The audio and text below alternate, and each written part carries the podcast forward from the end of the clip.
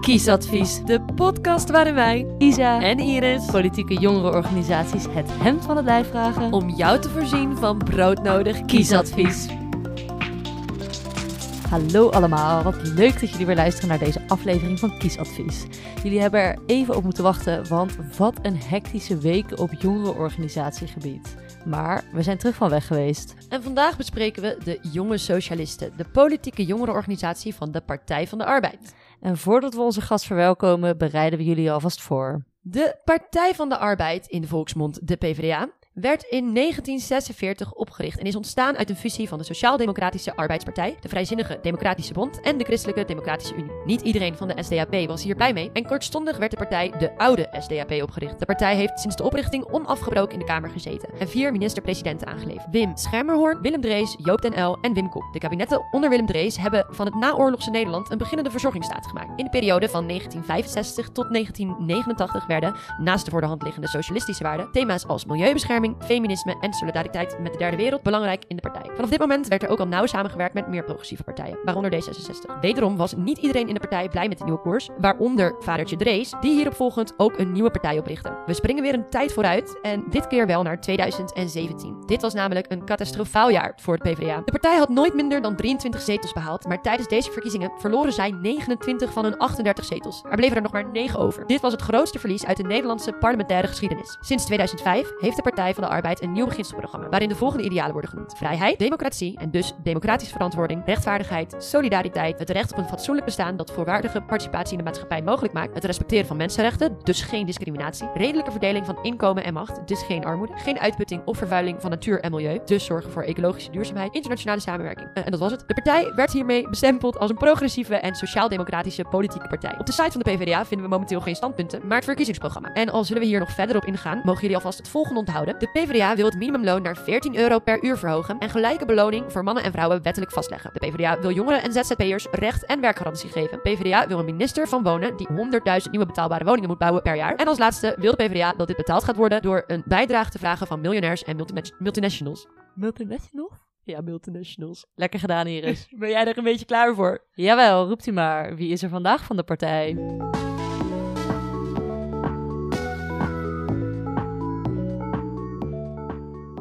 Dat is André met een J van Hout, de voorzitter van de Jonge Socialisten. André, welkom. Ja, dankjewel dat ik aanwezig mag zijn. Ja, hoe vaak vergeten mensen jouw naam met een J op te schrijven? Eh, heel vaak. Ik kan je vertellen dat ik nu al eh, zes jaar politiek actief ben en dat mensen nog steeds zes jaar eh, André met een streepje erboven. eh, Ik heb er één keer schuldig aan bevonden, geloof ik. Oeh, dat durf ik zo niet te zeggen. Ik weet alleen dat je ik in de ben- ik- mail wel ik- een R bent vergeten in de naam, maar dat maakt niet uit. Pijnlijk. Ja, erg pijnlijk. Ah, ik ben het gewend hoor. 23 jaar met een J eh, achter je naam aan. Kun je ons iets meer vertellen over jezelf en over jouw weg naar het voorzitterschap van de Jonge Socialisten? Ja, zeker. Ik moet zeggen dat eh, ik hoor wel heel vaak dat mensen pas op latere leeftijd eh, politiek actief zijn eh, geworden. In de vorige aflevering. Nou, is dat bij mij best wel vroeg begonnen. Eh, ik werd eigenlijk vanaf mijn. Nou goed, ik ben niet meteen lid geworden, maar ik was altijd heel erg bezig met eh, maatschappelijke problemen en daarover te praten met mijn vrienden, want dat vond ik gewoon vet interessant. En dat deed ik eigenlijk gewoon al vanaf het begin van middelbare schooltijd. En dat heeft er op een gegeven moment heeft dat is dat geëscaleerd naar lidmaatschap eh, van de Partij van de Arbeid. Maar voordat ik lid werd bij de Partij van de Arbeid, ben ik eerst lid geworden bij de Jonge Socialisten. Dat was toen ik 16 was. Dat was 2014, toen waren de gemeenteraadsverkiezingen. Eh, en ik had eigenlijk niet heel veel gehoord over de gemeenteraad. En toen ik hoorde dat dat dus bij mij in de gemeente ja, aan de gang was, die verkiezingsuitslagavond, ging daar langs.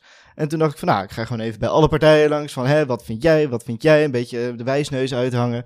Ehm, en uiteindelijk resulteerde dat erin dat ik eh, bij de Partij van de Arbeid terecht ben gekomen. En eh, als jongere gewoon een beetje aan het meeliften was. gewoon een beetje nadenken over allerlei dingen. Ik werd nog niet lid. En eh, op een gegeven moment eh, werd er een afdeling opgezet. eh, de Jonge Socialisten Eindhoven. Want ik kom namelijk, dat heb ik niet verteld, maar ik kom uit Veldhoven. Is een dorpje naast Eindhoven. En toen heb ik daarmee geholpen daar de onderafdeling van de Jonge Socialisten op te zetten. En zodoende ben ik een beetje doorgegroeid in het landelijke. Want ik vond het heel leuk om het hele land door te reizen en met allemaal mensen te praten. ehm, eh, over maatschappelijke problemen en over ja, een beetje mensen met dezelfde kijk. Het toch de linkerhoek eh, die je met de PvdA inwandelt, eh, om het daarover te hebben. Dus ja, zodoende ben ik echt wel het landelijke socialistennetwerk ingerold. Maar eerst ben je dus een beetje als jong opdondertje eh alle partijen langs gegaan. Dat vind ik wel een leuk detail. Ja. En dat je het bij de oprichting soort van betrokken bent geweest. Of bij de, in ieder geval van de afdeling. En, en, en loopt het nu nog steeds lekker? JS nee, die onder, nee, die onderafdeling bestaat helaas niet meer. dus Oh, dat is wel een beetje een domper. Dat had ik eigenlijk niet moeten, eh, moeten mentionen.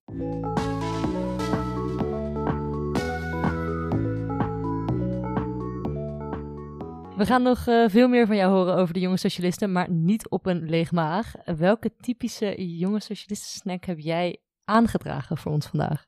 Ja, ik kreeg dus die vraag en ik, ik heb, ik, wanneer heb ik die gekregen? Ik denk drie, vier dagen geleden.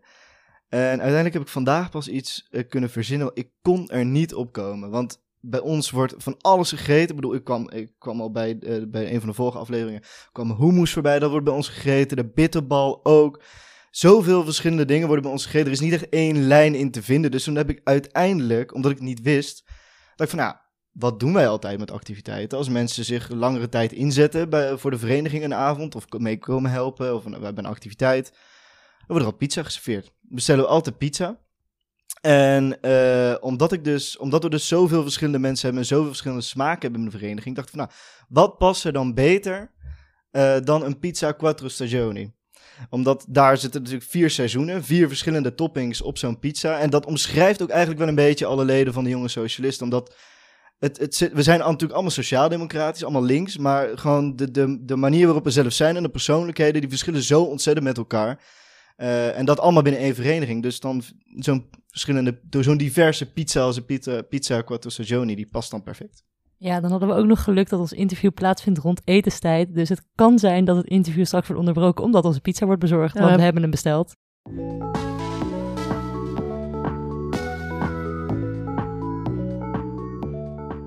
Oké, André, we zijn helemaal ready om alles te horen over jouw politieke kleur. Dus je mag kleur gaan bekennen.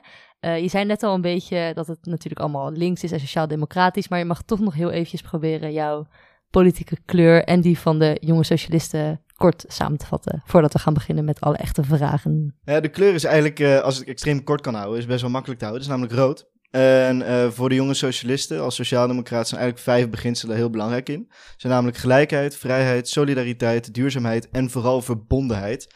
Eh, en met name dat laatste vind ik zelf in ieder geval heel erg belangrijk. Want je kunt nog zo eh, van achtergrond verschillen en een, gewoon een andere positie hebben in de maatschappij. Maar uiteindelijk moet je wel tot elkaar komen om een bepaalde oplossing te hebben. En ik denk wat voor heel veel mensen die lid zijn van de Partij van de Arbeid en voor de jonge socialisten is, eh, is dat door juist te zoeken naar verbinding binnen de maatschappij, ehm, juist zo op een bepaald antwoord te komen dat je een goede oplossing kan, eh, kan verzinnen. Dus als ik het zo kort mag houden, dan is het, eh, is het rood.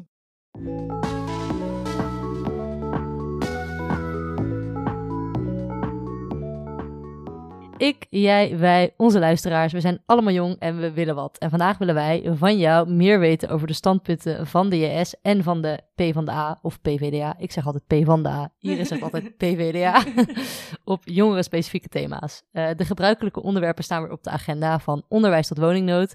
En alle jongere thema's komen aan bod. Eh, en André draagt natuurlijk zelf ook een thema aan. We bespreken de meest interessante en opvallende oplossingen en standpunten van de jonge socialisten en de moederpartij. Om maar meteen met de deur in huis te vallen, waar blijft die volkshuisvesting? Deze vraag stellen de jonge socialisten op hun website. Jullie zijn kritisch op de VVD, die de woningmarkt overlaat aan het grillen van de markt, en noemen het huidige beleid symptoombestrijding bij een gebroken bot. Wij vragen ons af, hoe willen jullie dit bot gaan genezen? Wat is jullie gips? Kun je ons het verschil tussen symptoombestrijding en echte genezing uitleggen?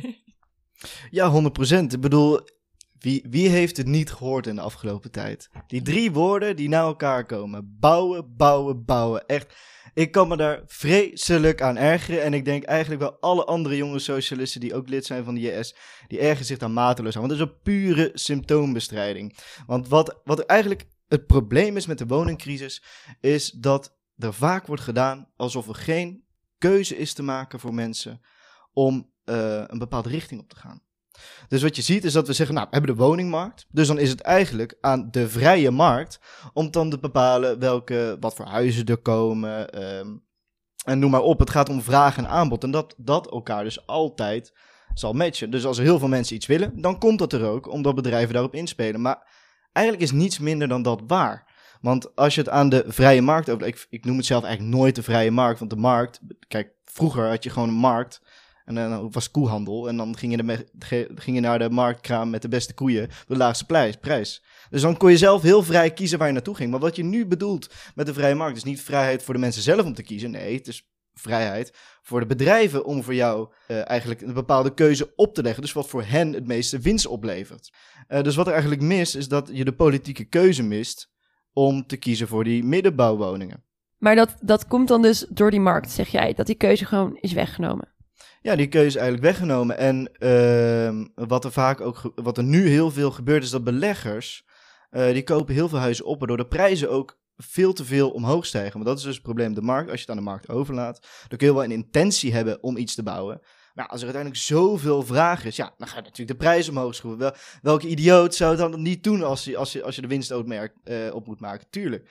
Dus daar moet je als, als overheid echt op reguleren. Zeggen van, ja, we, moeten echt voor deze groep mensen die dit inkomen hebben, daar moeten we woningen voor hebben. En op dit moment wordt er altijd gezegd, ja, maar het is aan de woningbouw. Daar hebben wij geen keuze in. Maar het antwoord daarop is, nou, dat is onzin. Die keuze hebben we wel. Alleen dan moet je dus voor een partij gaan die ook onderkent dat daar een keuze in is te maken. Ja, want jullie hebben verschillende soorten oplossingen aangedragen die wel eh, echte genezing zijn, zeg maar. Dus niet symptoomspreiding, niet alleen het bijbouwen van huizen.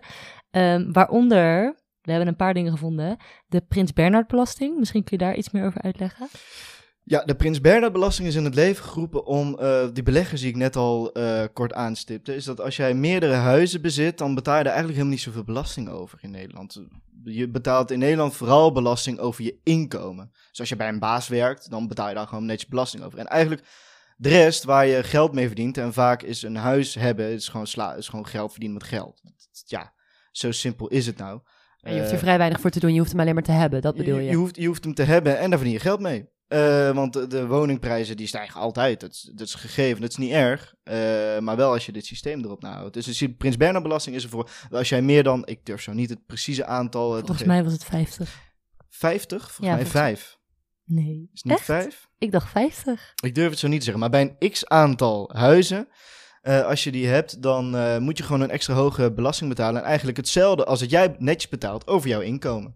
Dus je trekt het gewoon gelijk. Ik bedoel, zij krijgen ergens geld voor. eh, waar ze niet zoveel hoeven te doen. Nou, dan moet je op zijn minst zeggen dat ze net zoveel moet, belasting moeten betalen als wanneer er keihard voor werkt. Dus je zou het eigenlijk een beetje kunnen zien als een soort werkgevers, werknemers, werknemersbelasting voor eh, eh, mensen met een, die in de, in de huizenmarkt zitten. Ja, het, het, is gewoon een inkomen. Dus je moet gewoon zeggen, nou, ja, dan, dan word je ook belast als een inkomen. Zo simpel is het. En geen rare vrijstellingen om eh, grote huizenbezitters, eh, om die maar gewoon eh, lekker vrij te laten. En dat natuurlijk klinkklare onzin. Ik bedoel, als jij, eh, weet ik veel, 40 uur in de week werkt, daar gewoon keiveel be- gewoon belasting over moet betalen. En terecht, omdat we daar gewoon van alles voor terug willen. En vervolgens iemand die er niks voor doet, die hoeft geen belasting te betalen. Ja, dat is de, dat is de omgekeerde wereld. Ik heb het nog niet kunnen vinden. Ik ben aan het googlen, maar we komen erop terug in de show notes. Hoeveel panden je hebt om de Prins Bernhard belasting te moeten betalen. Ja, en het gaat ook voornamelijk over huisjesmelkers. Gewoon mensen, die met hun- veel panden, volgens Ja, mij. mensen met veel panden en vooral ook de combinatie eh, om je, je, ve- zeg maar, eh, je huurders slecht te behandelen.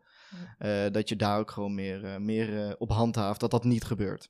Ja, en daar heeft de JS zich natuurlijk sowieso het afgelopen jaar erg hard voor gemaakt. We hadden het er kort over voordat we de aflevering gingen opnemen.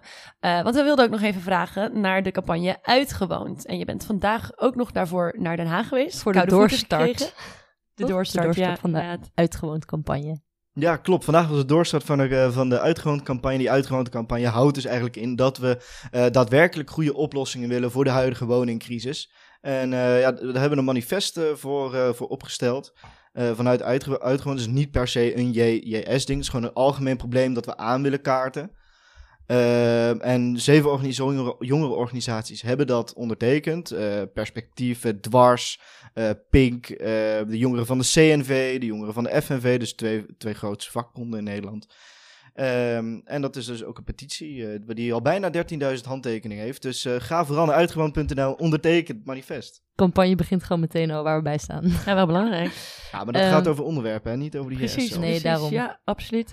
Eh, ook over onderwijs hebben de jonge socialisten veel te vertellen. We vonden statements en blogs over democratie op universiteiten, onder andere op jullie website. En over de problemen in online onderwijs. En zelfs een oproep aan minister Slop om op te stappen. Waar wil je zelf mee beginnen, André? Wat vind jij van het thema onderwijs het meest urgente probleem? En hoe lossen de jonge socialisten dit het liefst op? Oeh, ja, ik, ik, ik ben niet zo goed in dat soort dingen heel kort benoemen. Ehm, Korter. Mand. Mand. Mand. Ehm, eh, nou, laat, laat ik in ieder geval beginnen met eigenlijk het heftigste statement dat we in de laatste tijd hebben gemaakt. Zeker op het gebied van onderwijs. Dat is dat Arie Slop op moet stappen. Nou, eh, en dat is, is een probleem dat eigenlijk al heel lang speelt. Want 100 jaar geleden had je nog geen, of ja, iets meer dan 100 jaar geleden, had je nog geen algemeen kiesrecht. En de liberalen en de socialisten wilden destijds heel graag het algemeen kiesrecht. Dus dat iedereen, man, vrouw, eh, ongeacht wat je verdiende, want dat was daarvoor inkomensafhankelijk, uh, of je mocht stemmen, dat iedereen mocht stemmen. En toen dachten de, de, de christendemocraten van toen, die dachten van ja, heel leuk dat jullie dat willen. Maar dan willen we voortaan wel dat alle religieuze scholen ook betaald worden door de overheid. Ja, die schoolstrijd, dat heet de schoolstrijd. Nou, die uitkomsten ervan vinden we eigenlijk belachelijk. We hadden sowieso gewoon een algemeen kiesrecht. Dat, had, dat moest er sowieso komen. En het is belachelijk dat daar het religie in het onderwijs plaats heeft uh, kunnen, uh, kunnen vinden. Want wat ons betreft moet dat volledig gescheiden zijn. Je hebt de, de scheiding van kerk en staat. En we vinden ook dat onderwijs. Kijk, religie is een eigen keuze en daar kun je aanhangen. En dat is helemaal prima dat je dat doet. Maar ik denk dat het anders is wanneer dat vanuit de overheid betaald wordt. En aan kinderen wordt voorgeschoteld. Wanneer zij helemaal niet de keuze hebben om wel of iets niet te doen.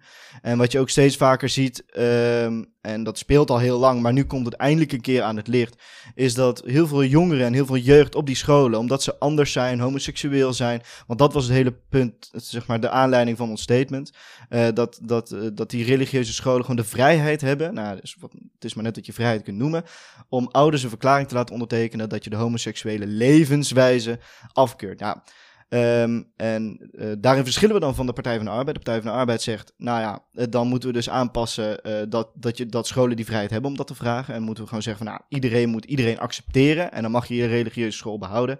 Nou, de JS zegt, dat is, nou goed, het is een heel leuk begin. En ik snap het, omdat electoraal natuurlijk ontzettend lastig is een meerderheid te halen. Maar je gaat het, het, wortel van het, de wortel van het probleem ga niet weghalen. Want dat ligt erbij dat er religieuze scholen zijn waar sowieso vaak sprake is van, in, zeg maar, omdat je een bepaalde groep kiest, sluit je automatisch andere mensen die anders denkend zijn eigenlijk uit. Ook al zeg je dat je het niet doet.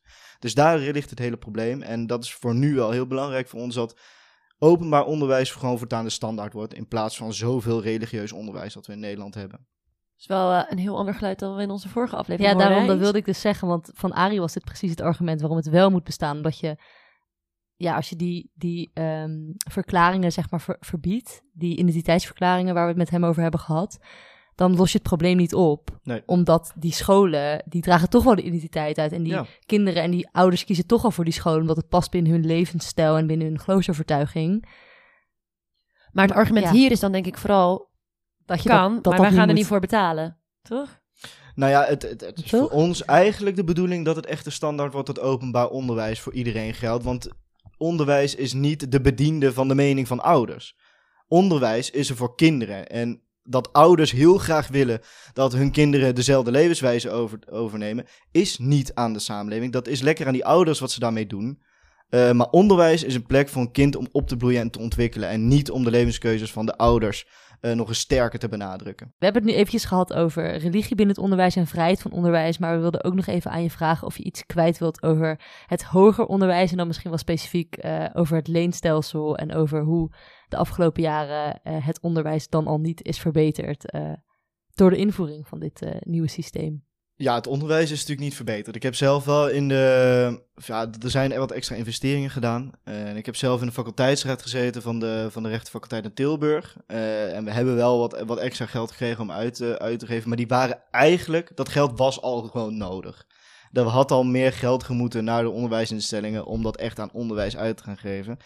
Ehm, en ja, het leenstelsel. Kijk, ik snap het idee waarmee het is ingevoerd. Het idee was namelijk, ja, waarom zou de advocaat in godsnaam voor de studie van de. eh, de waarom zou de bakker in godsnaam voor de studie van de advocaat betalen. als de advocaat daarna ook gewoon drie keer zoveel verdient. als wat de bakker zou verdienen? Ehm, alleen wat je nu wel ziet, is dat gewoon heel veel mensen die, die een achtergrond hebben met ouders die niet per se heel veel geld hebben. Ja, dat die gewoon al meteen op een gigantische achterstand komen te staan. Dus waar we ons eigenlijk voor inzetten. En daar hebben we een aantal weken eh, geleden hebben we daar samen met de Landelijke Studentenvakbond ons ook voor ingezet. eh, met, met een manifest over het schuldenvrij afstuderen. En dat houdt voor de JS eigenlijk concreet in, is dat in ieder geval dat, een, uh, dat studenten met ouders tot een verzamelinkomen van een ton uh, uitwonend 600 euro per maand moeten krijgen. En dat bouwt dan zo op, op een gegeven moment af, nou wanneer je ouders 110.000 uh, verzamelinkomen hebben per jaar. Dus dat komt er eigenlijk op neer dat je de grote meerderheid van de studenten een, ba een basisbeurs geeft. En die gewoon wel hoger is dan, dan in het vorige systeem, want ik hoor heel vaak, ja, we moeten weer terug naar het basissysteem dat we eerst hadden. Nou, dat is dus nog geen reet waard, want dan als thuiswonende student kreeg je 90 euro. En als uitwonende student volgens mij niet heel veel meer dan 250 euro. Nou ja, dat is een leuk bedrag om ja, wat e je eten kun je ervan kopen, maar daar houdt het ook wel heel snel bij op. En dus gezien de huur enorm zijn gestegen, moet die basisbeurs ook wel flink goed hoog zijn. Ik ga heel even de advocaat van de duivel spelen, want ik hoor je nu zeggen inderdaad, er moet eigenlijk meer geld. Hè? Dus er moet, de, studie de studiebeurs moet eigenlijk omhoog, vergeleken met het oude systeem. Maar jullie, of jullie, jij niet persoonlijk waarschijnlijk, maar de Partij van de Arbeid is natuurlijk wel voor het leenstelsel gestemd. Dus dan ga je eerst van basisbeurs naar geen geld. En nu wordt het weer van geen geld naar meer geld dan van tevoren. Ik weet niet. Nou ja, het is, het is maar zo geweest. Want die basisbeurs, dan kreeg je als aanvullende beurs best wel weinig geld. En um, ik weet zelf nog toen ik begon met studeren, toen nou, een jaar daarvoor had mijn moeder zonder werk. En als ik dan in het oude systeem zou zitten, dan was mijn aanvullende beurs veel minder groot geweest. Waardoor ik helemaal niet maar alle studiekosten had kunnen betalen. Terwijl een nieuwe leenstelselsysteem voor de, echt, zeg maar, de mensen wiens ouders gewoon echt niet goed genoeg verdienen. Uh, om je studie te kunnen betalen, was het juist dat je meer kreeg dan in het systeem daarvoor. Dus op zich, kijk, ik ben ook gewoon voor, voor de afschaffing van het leenstelsel. En dat we naar een basisbeurssysteem gaan. Um, maar je kunt niet zeggen dat het, dat het leenstelsel echt totaal alleen maar asociale punten had. En dat iedereen uh, maar gewoon moest lenen. Want er is wel daadwerkelijk nagedacht over het principe van de bakker moet niet voor de advocaat betalen. Maar als de bakker dan wil studeren, of de zoon van de bakker of de dochter van de bakker wil studeren, dat je daar dan in ieder geval wel een fatsoenlijke aanvullende beurs voor hebt, zodat je de studie daadwerkelijk betaalt.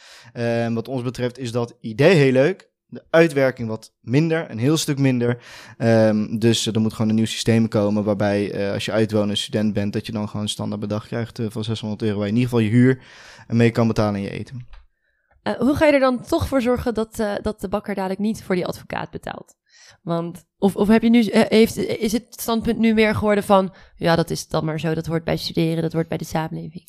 Nou ja, onderwijs is volgens mij gewoon, dat staat ook in onze grondwet, hè, de, de overheid moet onderwijs voor iedereen regelen. Uh, dus het lijkt mij uh, een hele goede om daar voor zoveel mogelijk mensen de lijn uh, dezelfde richting te trekken. Dat het recht is dat iedereen heeft. Ja, want je zegt eigenlijk ook wel heel terecht dat de zoon van de bakker even goed rechten kan gaan studeren natuurlijk. Ja, precies. En dat moet tot de mogelijkheden behoren. Ja, oké. Okay. Yes. Ik heb hem. Op een rijtje. Na het afstuderen worden jongeren op de arbeidsmarkt ook nog eens uitgedaagd. Uh, door corona zijn de stageplekken schaars en ook flexibele contracten zijn nu een veelbesproken thema. De jonge socialisten willen meer banen voor jongeren en meer vaste contracten en zekerheid. Jullie pakken dit groots aan en lanceerden al in 2016 een Europees jongerenplan om dit te bereiken. Hoe zit het nu met de plannen bij de JS uh, met betrekking tot de arbeidsmarkt en corona en alle... alle en specifiek voor jongeren dan natuurlijk. Ja, daar zijn we nog steeds uh, groots mee bezig. Want het is een thema dat nog steeds enorm, uh, enorm speelt. Zeker onder jongeren. Uh, want je ziet gewoon dat zij heel erg veel uh, de, de, de, de flexibiliteit in worden gedwongen. En flexibel zijn, dat klinkt enorm hip en enorm cool. Uh, maar het komt er uiteindelijk op neer dat je gewoon, als je één keer pech hebt, dat je dan gewoon de lul bent. en volgens mij moeten we dat met z'n allen niet willen. Ik bedoel, ik heb zelf bij een, bij een horecaonderneming gewerkt, als, als, gewoon achter de bar. En ja, wat je de laatste tijd ziet, is dat gewoon heel veel payrollbedrijven, dat die, die nemen het werk over van zeg maar, het uitbetalen en alles met, met werkgever, werknemerschap. Hele op termen binnen het recht uh, dat dat over. Meneer studeert de... rechten, dat hebben we denk ik nog niet gezegd. Maar daar weet André alles van. Maar die, die nemen dus altijd werk uit handen. En dat zou dan op een gegeven moment. Dat, nou, dat scheelt heel veel geld. Want zij hebben niet zoveel zin om verantwoordelijkheid te nemen. Dus het kost ze ook minder geld. Uh, maar ik denk dat dat best een groot probleem is. Want ik denk dat het heel belangrijk is dat wanneer je werk hebt. En zeker als je jong bent en je bent afgestudeerd. Dat het heel belangrijk is om je leven een beetje op te willen bouwen. En als je elk, elk moment eruit gesodemieterd kan worden, of als er het maar het minste gebeurt en je bent je baan kwijt. Uh, of als ik het voorbeeld van de coronacrisis uh, aan mag houden. Ik bedoel, een vriend van mij die werkt ook binnen, binnen het mediasegment. En dat is allemaal bijna allemaal ZZP-basis. Nou ja, en op een gegeven moment zit je dan zonder werk. Omdat ja, alles, alles is een lockdown. Je mocht niet meer filmen, niet meer interviewen, niks meer. En dat zie je dan als ZZP'er. En dat is wel bij heel veel sectoren waar mensen in zijn, in zijn gedwongen, zeg maar. Die moeten dan zelfstandig zijn. Zijn eigenlijk gewoon werknemer. Maar dan heeft de werkgever gewoon minder moeite met, uh, met jou ontslaan, zeg maar. Daar gaat het om. eh, dan zie nog maar de komende drie maanden überhaupt je huur te kunnen betalen of je eten te kunnen betalen. Dat soort dingen spelen zo'n ontzettende rol in mensen hun leven. Ik denk dat het niet redelijk is om van mensen te vragen om, eh, om alles wat ze hebben op te geven, zodat het maar makkelijker werd, wordt voor, voor werkgevers om mensen maar flexibel in te zetten. En dat is wel wat er nu gebeurd is dus. Dat is wat er heel veel gebeurt. Heel veel mensen in de bouw, in de, eh, denk aan kappers, denk aan taxichauffeurs, eh, mensen die in de logistiek werken, mensen achter de bar. En zo kan ik nog heel veel beroepsgroepen noemen. Die, eh, die vaak gewoon een ondernemerschap in zijn geduwd. Zijn helemaal geen ondernemers, hè? Ze zijn gewoon werknemers. Alleen zijn ze dan officieel geregistreerd als een ondernemer. Als eigenlijk dus een apart bedrijf, wat het helemaal niet zijn. En hoe gaan we het oplossen? Ja, minder flexcontracten dan, denk ik. Dat is Sowieso van kort, minder- eh, samengevat. sowieso minder flexcontracten, maar je moet natuurlijk wel kijken dat er nog altijd wel een grote groep mensen is dat wel graag als zelfstandig ondernemer aan de slag gaat. Alleen, ik denk nooit dat het een onderdeel moet zijn van je keuzes om te kiezen eh, voor je basisbehoeften. Basisbehoeften die zijn er voor iedereen en het maakt niet uit wat voor mens je bent. Je hebt altijd heb je die basisbehoeften nodig. Eh, dus een bepaalde zekerheid en de, verzekering die daarbij hoort om in ieder geval ervoor te zorgen dat je niet echt helemaal in de, in de goot belandt dat als er een keer wat misgaat, dat je dat in ieder geval verplicht maakt voor iedereen. Ehm, want je kunt dan wel zelfstandig ondernemer zijn, maar niemand verdient het om, eh, om door een risico dat ze hebben genomen, alsof het een casino is, in de grote belanden. Dus eigenlijk gewoon meer sociale zekerheden voor die risicogroep. Ja, het, het zijn vooral sociale zekerheden, want je mag natuurlijk eh, je eigen, hoe jij zelf werkt, mag je wat mij betreft gewoon eh, lekker zelf invullen. Eh, maar ik denk dat je dan geen onder, zeg maar, het moet geen casino worden van, oh, ik zet daarop in en dan geef ik zeg maar mijn basisbehoeften en mijn huis en mijn eten, geef ik daarvoor op. Eh, dat moet niet de keuze zijn die mensen moeten maken. Die moeten op hele andere dingen liggen. Naast al deze thema's mag jij natuurlijk zelf ook nog een thema aandragen. Wat wordt voor de jonge socialisten het thema bij de aankomende verkiezingen? En waarom? Nou ja, wat sowieso ook gewoon naast alle thema's die we al hebben besproken, een groot thema gaat zijn, is klimaat. Want dat is gewoon, zeker in deze tijd, is het een ontzettend belangrijk onderwerp waar we ons voor in moeten zetten. Eh, we zijn van mening dat we gewoon echt radicaal vooruit moeten gaan. En de Partij van de Arbeid is, ja, vroeger, nou, vroeger een paar jaar geleden was het nog heel erg dat ze op klimaat toch hè, minder vooruitstrevend waren dan GroenLinks. En daar hebben ze echt een hele goede draai in weten te maken. De PvdA is gewoon echt een klimaatpartij geworden naast de sociale partij die ze al zijn.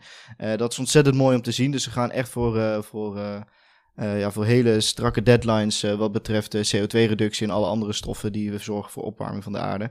Ehm, en eh, daar zijn we ontzettend trots op. En het is ook heel fijn dat ook binnen, binnen de Partij van de Arbeid ook heel erg gekeken wordt naar hoe ga je nou alle plannen die je qua klimaat hebt, hoe ga je die nou echt draagbaar maken? Want je kunt zeg maar wel streven naar een betere aarde, maar als die betere aarde erin resulteert dat heel veel mensen ja, gewoon enorm worden beperkt. Gewoon omdat ze maar een laag inkomen hebben. En dat alleen hoge inkomens mee kunnen gaan in de gezonde wereld van later. Ja, dan ga je je doel voorbij volgens mij. Dus ik ben heel blij dat daar eh, binnen de PvdA ook gewoon aandacht voor is. Dus jullie worden straks nog groener dan eh, GroenLinks, als we niet oppassen.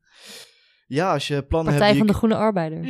Partij van de Groene Arbeider. Ik, ik- misschien moeten we het wel voorstellen een partij om eh, te veranderen.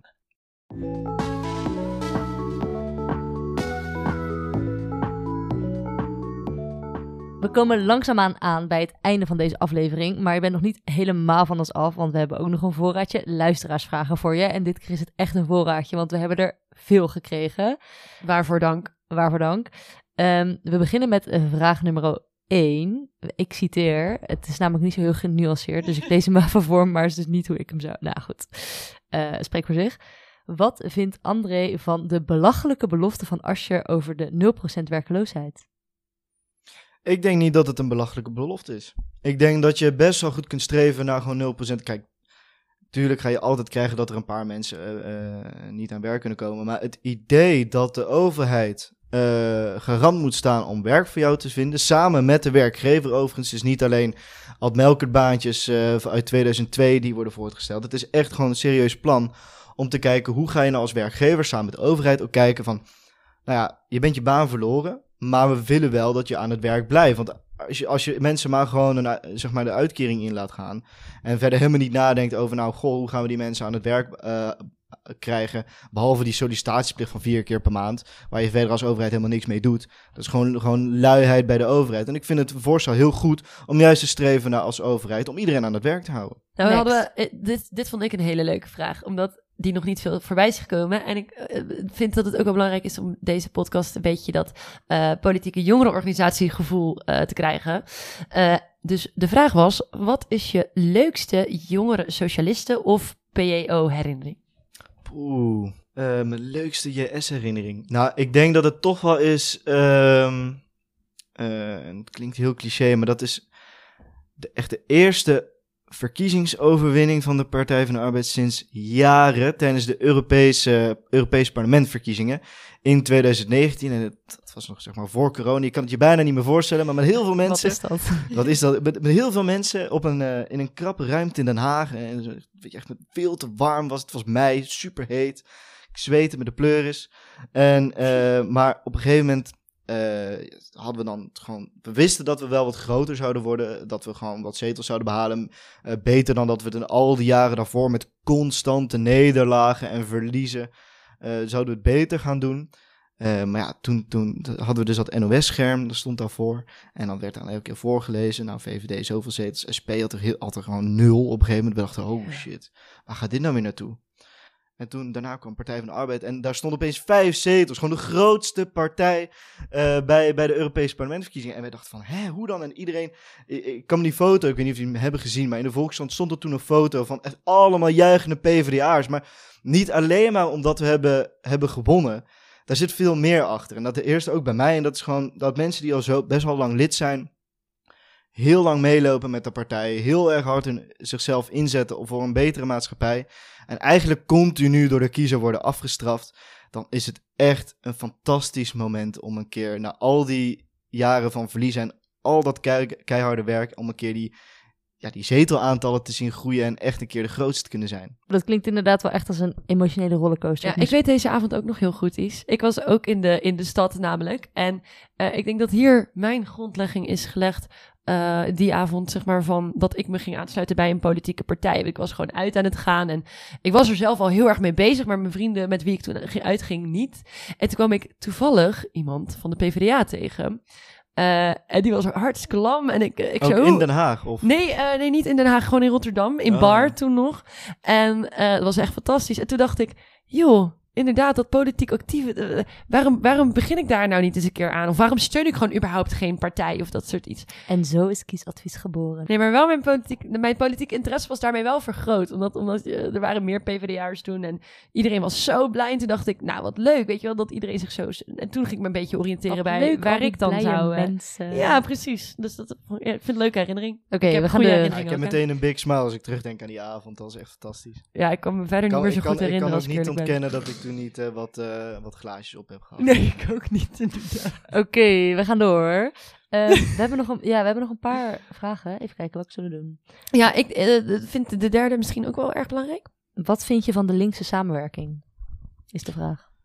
De linkse samenwerking. Dat ja, is wel heel algemeen vind- Dat misschien, vind ik een ontzettend goed idee. Want ik... ehm, want zeker tijdens de kabinetsformatie... Even misschien voor de luisteraars dat het... Nou, ook voor mij. Ja, er is sprake van een, dat partijen bezig zijn met een soort verbindenis al leggen voordat er überhaupt verkiezingen zijn geweest. Tenminste, zo heb ik het een beetje geïnterpreteerd. Dat ze gewoon contact met elkaar aan het leggen zijn Oh, van... hey, ehm, als ik ga regeren, wil jij er maar meedoen? hey, eh, zullen we samen een soort front vormen? ja, maar de PvdA heeft ook gewoon krijgen? letterlijk gezegd van... we willen alleen de regering in als... Of GroenLinks heeft gezegd... we willen alleen de, regering in als de PvdA meedoet of andersom, Ja, toch? dat bedoel ik inderdaad. Ja, nee, Goed, eh, André, wat vind jij ervan? Nou, ik vind het juist wel een heel goed idee. Want we hebben van 2012 tot 2016, 17 hebben gezien wat een, wat een eh, kabinet, eh, althans voor linkse, voor de Partij van de Arbeid, wat dat voor eh, immense tegenslag dat heeft veroorzaakt. Om alleen maar met, samen met de VVD te zitten. En dat was op dat moment heel nodig, want er was een crisis gaande en die moest snel worden opgelost. Dus daar kon ik me nog wel in vinden dat je daar snel een, eh, een coalitie in, eh, in, eh, in gaat proberen te zoeken. Maar ik denk dat het wel heel belangrijk is dat de Partij van de Arbeid gewoon niet de enige links-progressieve partij is in een kabinet. En als je dan om je heen gaat kijken, ja, dan heb je eigenlijk alleen maar GroenLinks of misschien de SP. Maar de SP heeft ook nog wel moeite met, met samen regeren. Dus dan zit je eigenlijk al meteen bij GroenLinks vast.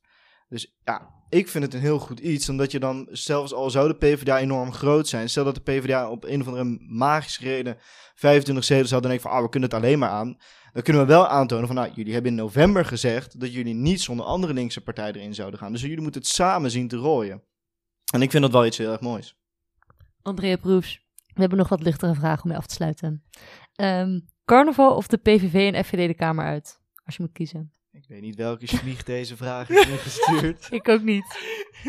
Ehm nou ja, dan dan kies ik gewoon voor carnaval. Want je kunt namelijk de PVV en de FVD wel uit de Kamer halen, maar dan zit het sentiment nog steeds in, eh, in de samenleving. En ik ben ervan overtuigd dat heel veel mensen die bij Forum en PVV zitten, eh, dat die daar met een bepaalde reden zitten. En ik denk dat het zeer zeker, vanuit mijn optiek, ook de Partij van de Arbeid is die moet kijken naar hoe gaan we ervoor zorgen dat mensen niet meteen een, een hele eh, een, een nauwe visie van politiek terechtkomen om bepaalde bevolkingsgroepen ergens een schuld van te geven en daar altijd een probleem van bij te leggen. Ik denk dat we daar gewoon een oplossing voor moeten vinden.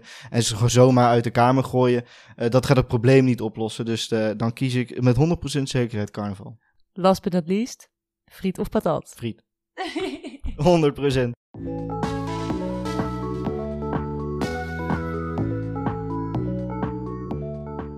André, bedankt. Volgens mij heb je onze luisteraars inmiddels voorzien van heel veel kiesadvies. Dus mag je eindelijk je partij gaan pitchen. Ga je de JS pitchen of de PvdA pitchen? De JS. De JS. Nou, Oké, spannend. Nou, Komt ik ben voorzitter van de JS, niet van de Partij van de Arbeid. Precies. Oké, tijd gaat in. Nou ja, waarom moet je lid worden van de JS? Die vraag is eigenlijk helemaal niet zo moeilijk. Want als je kijkt naar alle problematiek die nu speelt, eh, wat betreft onderwijs, wat betreft wonen, en wat betreft klimaat en duurzaamheid, is dat je gewoon kijkt naar, wil ik mij inzetten voor een samenleving die daar echt verbeteringen maakt? En wil ik mij inzetten voor een vereniging die ook eh, ervoor wil zorgen dat de politieke keuze wordt gemaakt om met daadwerkelijke oplossingen te komen, in plaats van alsmaar eh de symptoombestrijding die je heel, heel vaak op rechts ziet. Word dan vooral lid van de Jonge Socialisten. Het is niet alleen maar politiek, het is ook enorm gezellig.